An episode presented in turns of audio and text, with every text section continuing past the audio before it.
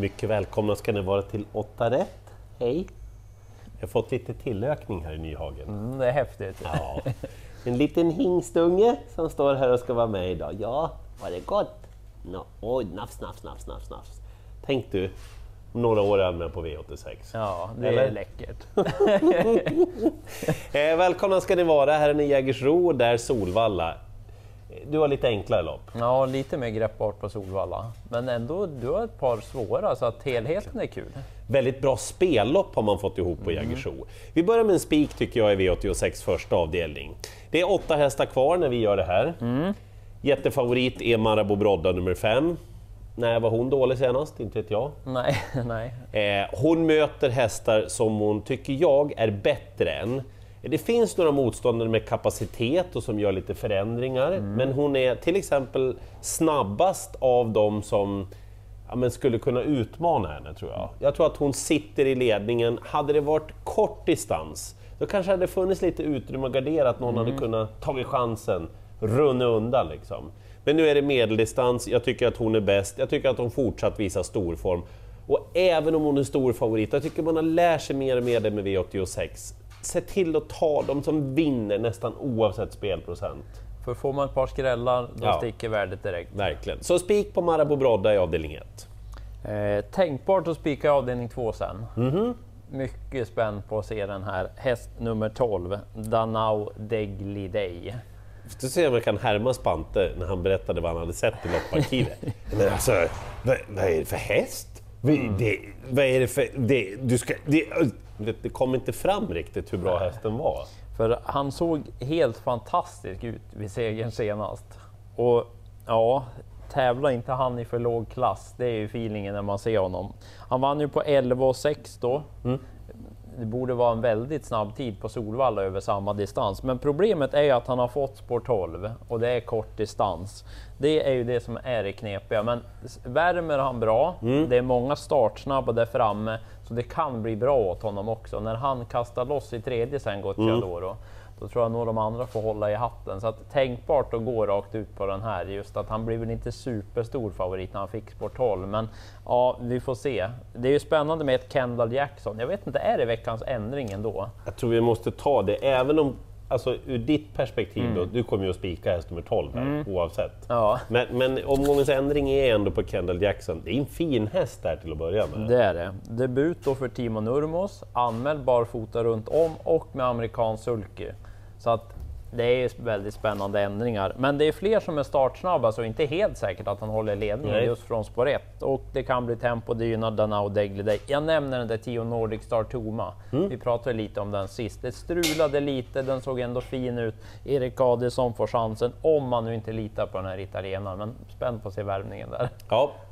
Eh, V86 tredje avdelning. Jag kommer nog säga att ta fyra hästar i det här loppet. finns utrymme att ta någon till. Vi kan väl börja med den som är favoriten vi gör det här, nummer 6 Michel F Boko. Viktig info till er där hemma. Eh, Okej, det ska du ha där. Eh, det står ju, det lyser rött då, amerikansk sulky. Det var det senast. Just Jag kollade upp det där, han hade det på sig då också. Det var lite svårt att se i lopparkivet tyckte Ja, jag. Eh, så det är ingen nyhet där. Däremot lopp i kroppen och det är en bra häst, så att det är första hästen. Jag älskar sju Iton Degato. Ja, check häst. Mm, var ute mot alldeles för tufft motstånd senast. Det var uttagningslopp till Kungapokalen. Bedazzled Sox vann då. Eh, mycket fin gången innan. 11 Spartacus, om det blir någon häx där framme. Han är så bra, han är så jämn den här hästen också. Levererar på en bra nivå hela tiden. Loppets överraskning kanske nummer 9 Hickory skulle kunna vara. Den där är lite småputtrig tycker jag.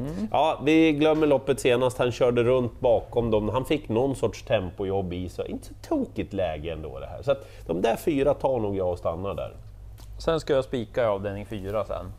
Det här är ändå bästa spiken i omgången. Häst nummer 7, Soundtrack. Ska säga det, när vi spelar in det här, då är det 25% på soundtrack. Vad tror du han kommer att landa på? Jag tror att han kommer stiga iväg över 50 Ja. i princip. Han borde trenda ganska mycket uppåt. För det var gott rykte inför debuten hos Timo Nurmo senast. Det är en viss Jean-Pierre Dubois som äger den här Soundtrack. Och gott rykte, levererade, kom till ledningen. Det borde bli samma nu för de värsta konkurrenterna. De har ju fått 12 och 10 och 9. Mm. Så att de lär behöva slå soundtrack utvändigt, det tror inte jag blir särskilt enkelt. Så att Jorma kör till ledningen och vinner och är bästa spiken. Sådär ja. Eh, så här då i V86.5. Det finns utrymme att ta ett helt gäng hästar i det här loppet. Det här är ett sånt här jag älskar sådana här spellopp där det finns, man kan, om man bara blundar så ser man direkt fem o, eh, olika vinnare Ja. på olika sätt.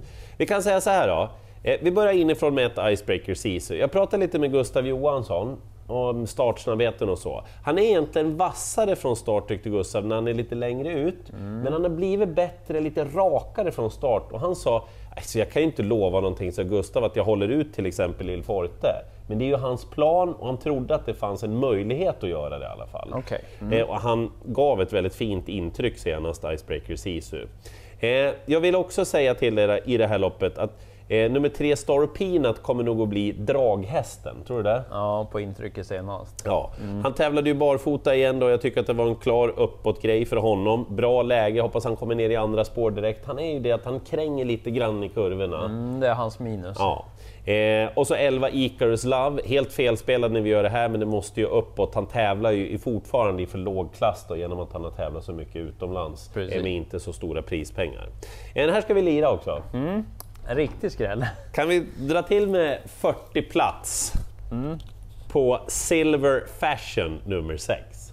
Toppform. Alltså när vi gör det här, då är Silver Fashion en av de minst spelade hästarna i hela omgången. Men även om vinstchansen inte är jättestor, nog är väl det fel i alla fall. Ja, för formen den sitter som sagt. Alltså att han, han var ju i mål senast när Laban Lagerö kom störtande där ute i banan. Vad orättvist han Ja, det kändes väldigt orättvist. Han var väldigt bra tycker jag, gången innan på V75 också, med den Mm. där galoppen i första kurvan. Han borde ändå vara en 4-5 procent Silver Fashion, inte 0,5 som när vi gör det här. Så vi drar till med 40 plats på Silver Fashion och så hoppas vi att det räcker åtminstone då till en tredje plats. Ja, ja. Jag kommer ha med honom på V86 också. ja, ja. ja. Formen sitter där. Jajamän. Sen ska jag köra som Elitloppsplats i Meadow Roads lopp. Och det är ju spännande med Hail Mary Mm. efter det där intrycket senast när det blev seger. Men han torskade väl ändå spårlottningen Så var det. när Magnus A. Djuse, Timo Nurmos och Brother Bill har fått spår 6. Mm. Eh, Det finns ju andra lopp att gå ut i tänker jag om man inte vill vara med i Elitloppet. Så Ja. Brother Bill borde vara bra direkt, brukar kunna vara det. Spännande att han fick spår invändigt om Hail Mary. Mm. Men frågan är om någon av de här kommer till ledningen. För spår 1 har ju nämligen Alessandro Gocciadoro med Sacon Jo. Och märk väl här att informationen, oavsett hur det var, så var ju budskapet att det var det här loppet som var jätteviktigt för Sakon Jo. Precis. Och banan var ju lite som den var den dagen, men ja, insatsen var ju inte särskilt Nej, bra. nej. Man anmäler barfota runt om, han kan öppna från start. Han skulle ju kunna göra den där prestationen som snacket var nu, Mm. så att då blir han ju inte så lätt att plocka ner. Men jag måste ju säga att jag tror mest på Brother Bill om jag ska välja av de här tre betrodda. Kan det bli någon annan? Aetos Kronos? Om man travar och levererar som på Solvalla, kanske. Ja, ja, det är möjligt, absolut. Det är någonting med de här, jag litar inte riktigt på någon av de här Nej. betrodda på något vis. Unico Brolar med två lopp i kroppen, skulle det... Om Ja, man kör fort och han smyger med. Vet du om inte annat så vore det lite kul och rättvist att han fick vara med Ja. i Elitloppet. För han är lite mer stabil och levererar Ja, känns ja. det som. Han har fått de där två loppen i kroppen nu. Kan vi säga att vi håller en tumme för Sorbet också, som var pensionär i Hedesunda i nästan två år och Ja. med och kör om Ja, Elitloppsplats. kul att se honom igen. Eh, V86 7. Grattis alla ni som gillar att lira dagens dubbel och V86. Magilopp på det viset. Så här, det är 8-10 hästar som har en realistisk möjlighet att vinna det här loppet. Ja. Så jag drar de som kan skrälla, tänker jag. Ja. Är, är det rimligt kanske?